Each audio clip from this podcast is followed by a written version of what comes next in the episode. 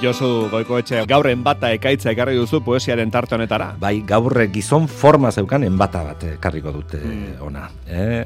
Ekaitz horren izena, Gabriel Aresti da. Gabriel Aresti. Segurazki, e, entzuten ari diren entzulen artean, beraien herrian seguru, badela kalaren bat Gabriel Arestiri eskainitakoa. Ziur, ziur. Toki askotan ze. Ez zuen nahi berak, bere izenean ize kaleri jartze, jartzeik, baina guk e, Euskalduna bak izu beti kontra egin behar jenteari eta poetei batez ere, bai. eta baditu kaleak hemen bilbon ere bai, eta baina, bueno, e, kaleak bai, baina bihotzetan ere, eta Euskal Literaturaren bihotzean oso txartatuta dagoen egila da. Bai. Bilboko eta Euskal Herrietako poeta da. Euskal kultura astindu zuen gizona izan zen. Zalantzari gabe, Gabriel Aresti. Bueno, bere libururi famatuena da, Arri eta Herri, ez da? mila bederatzen da iruro eta laukoa, eragin handia izan zuen, Euskal Literaturaren historian, ba, formagatik, itxura batean e, soila eta iristarra zen forma e, bertxoler labur horien gatik, gaien gatik ere bai, ez, erabilen tematika sozialagatik, bera, bueno, ezkerreko ideiak zituen, komunista izan zen, eta, eta bueno, ba, gizona jarri zuen, gizakia jarri zuen bere poemen ardatzean bueno, zorrotzako portuan aldarrika, egia bat esateagatik, nire aitaren etxea, ba, poema markatzaileak mm. Euskal Liburu horrek, eta bueno, jente askoren eh, gogoetan dauden eh, poemak dira. Bai.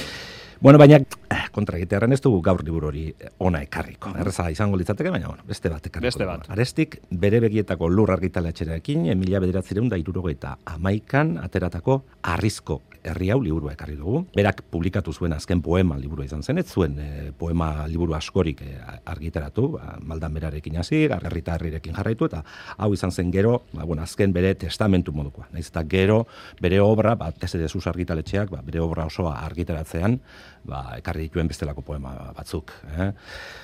Etzen gizon erraza, aresti.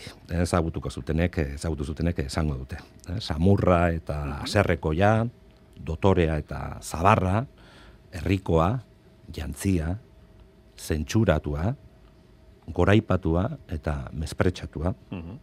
Euskaldun berria izan zen, amabi urterekin hasi zen, Euskaldutako, gurasue galdutako Euskara berreskuratzen. Euskaldun berria izan zen, eta aldi berean Euskaldun zaharren ere izan zen. Mm. Eh, Euskal kultura, osko literatura asko aztertu zituen, eta bere obran eh, hori nabari da. Mila gauza esan daitezke arrestiri buruz, baina guk manu ma temporetik ez daukagu, ezta? Bai. Gauza bakarra, liburu hau e, tristea da. Tristea dela. Bai. Vale. Bai, hemen aresti etxi bat ageritza digu. Euskal Herriagatik, bere egoera ekonomikoagatik, uh bere lagunen eriotzagatik, hemen aipagarria da, Ricardo Arregiri idazten dion e, poema sentitu oso, oso ederra da, luzea da, eta ez dute karri ona. Eta badago beste poema bat, alaba jaio berri bati, hilda, e, bueno, gaixotasun batekin jaio eta hiltzen den zaion alabari bai, idazten dion poema samurra bai. bai bueno, nik beste hiru ekarriko ditugu, ekin dezagun beraz, irakurketari. Baina, abisatu dizu hori, eh? E, Josuk, tristea direla. E, bai, olergiak, bai, tristea, gorrak, badau, badau azkenekoan alako esperantza edo mm. atera bide bat, baina mm ikusiko dugu zein den. Bueno, arestik daukan tresna bakarra, bere hitza da, hitza. Mhm. bere esateko ala, eta nik gizonaren ahoa irakurriko diot lehen bizi. Badakizu, e, duela zaskor arte, ba, gizona zan, gizakiaren e, baliokidea literaturan, ez da? Ala ulertu behar da, poema hau e, irakurtzerakoan eta entzuterakoan. Gizonaren ahoa.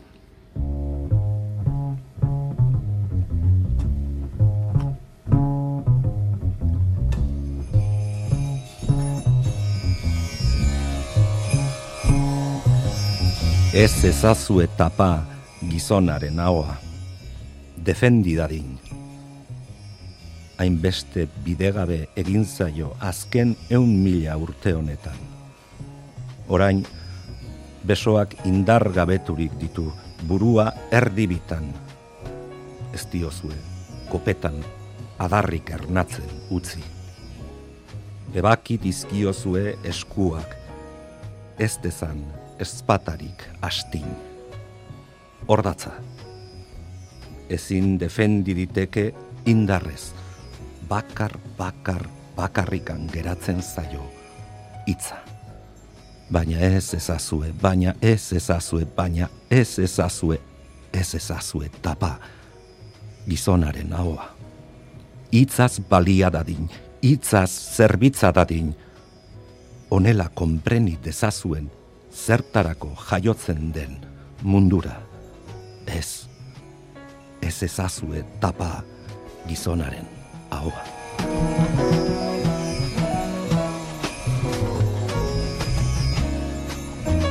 Izugarrizko indarra daukate bere hitzek. Eh? Izugarria, oso barrutik idazten duen, eta bueno, oso ondo kontrolatzen du, ez da, ritmoa, esana, bueno, esan indarra handiko e, poemak dira bereak. Euskal Herriak asko zordio, arestiri. Bai, e, gizon honek ezin, e, bueno, oso, lehen esan dut, oso jantzia zela, ez, erderaz, gaztelaniaz, ezin bikainago moldatzen zen idazlea zen, bueno, berela urkoak, urbili urbilokoak ziren, ba, Blas Otero, Blas de Otero, Bladi Otero berak esaten zion moduan, uh Gabriel Zelaia ere bai, baina berak, gure hizkuntza orduan txikitua, e, hautatu zuen e, frankismo gorriko Bilbo erdalduna harta, no? nik uste dut. Eta segurazki hori da, e, berarekin dugu egun zorrik handiena, e, gaztelera zidazten e, oso trebea zela, baina euskeraz idazteko autua egin zuela. Euskeraz, eta gero hortik e, torri zitzaion berari ere, zaputza, ez da? Ba, eta seguru nago, pein baino gehiagotan, da mutuko zitzaion, autu egin nintzen, baina bukaera arte idatzi zuen e, euskaraz, eta bueno, nik uste dut miresteko dela eta zor biologula zerbait poeta honi.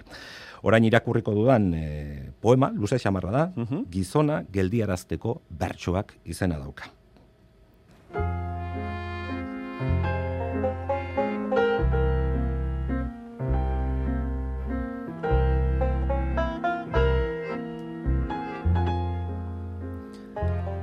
Karrika okerrok korritu nituen, oparo, luzaro, emaro. Hemen urratu ziren ene zapatak eta ene ametsak ere. Hemen apurtu ziren ene frakak eta ene ilusioak ere. Bilbao honetan, basurtutik atxurira, ni ere izan nintzen behin, orain urte asko, herria. Eta orain konturatu behar izan naiz ni orain plaza batean aur batzuk erderaz kantatzen ikusi ditudala. En un barranco de lobos hay una fuente que emana sangre de los españoles que murieron por España. Hemen askotan esan dut ez dago herri bat, hau da herri baten kontra altxatu eta zabaldutako iria. Hemen hainbeste ustelkeri, hainbeste bizio likitz, hain merke saldutako izerdia, negarra eta gosea, baina hemen alaber aurtxo batzuren kantak, tantzak, koplak. Ni me lavo, ni me peino, ni me pongo la mantilla, hasta que venga mi novio de la guerra de Melilla. Taberna kuts, kampo fabaiak uts, gizonak, zinema kuts, nobedadeak uts, Andreak.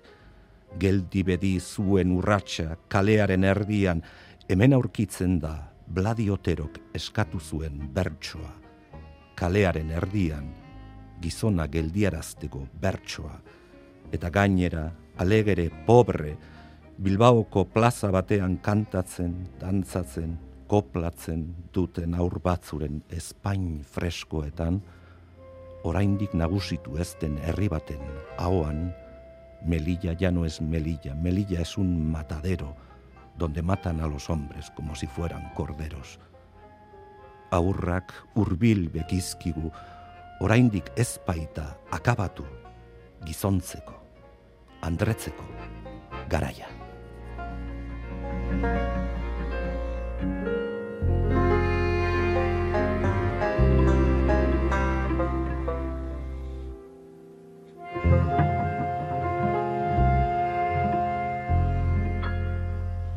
Lotu dituzu Gabriel Aresti eta Tongo eitz, eh? eta begitan du zaigu lotura zoragarria. Ba, posten naiz, posten naiz. Ni asko maite duen e, musikaria da Tongo eitz, eta bai, mm -hmm. bai. Bueno, bai, holako nasteak egin behar den izan bain, Noski, noski. Bueno, amaitzeko e, Arestiren bi ofizio nagusiak aipagai dituen poema bat. Mm -hmm. poeta zen, ez ogibidez, ofizioz baina ez ogibidez, eta ogibidea zeukan ba, kontularia izan, kontularia zen, kontablea, kontadorea berak mm idazten duen bezala. Testamentua dirudien olerki honetan, arestik ere idazlan batzuren e, aipamena egiten du, e, bueno, gazte hil zen, berrogeita bat urterekin, gaixoaldi baten ostean, eta nork daki zer gehiago emango zigun luzaro bizi izan baliz. jakingo. Bai, argigarri bat poema hau irakur e, ulertzeko, aipatzen da e, Karamelo mendia. Karamelo mendia da Monte Karamelo, e, Menbilboko masustegi auzoa uh garai hartan eta gaur ere, ban, langile auzo bat zera, ba, bueno, gaur e, aipatzen denez zera, argigarri hori e, eman nahi izan dut. Hau da, kontadore eta poeta.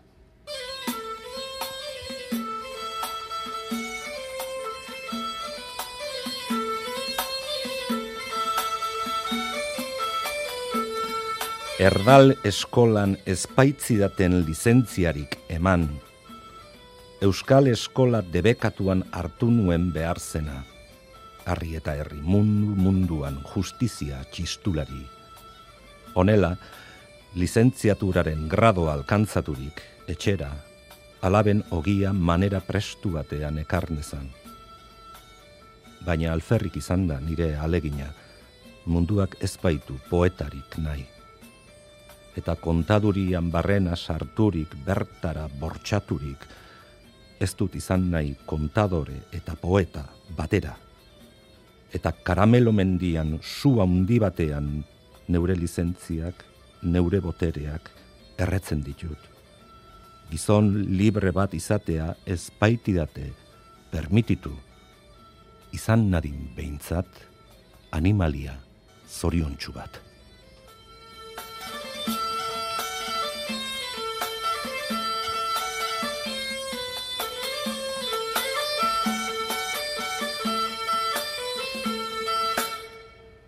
Aze bukaera, eh? gizon libre bat izatea ezpeiti date permititu, izan adin behintzat, animalia zoriontsu bat. Enion ezagutzen poema hau eta zo bukaera ikaragarri iruditzen. Oso ona, oso ona.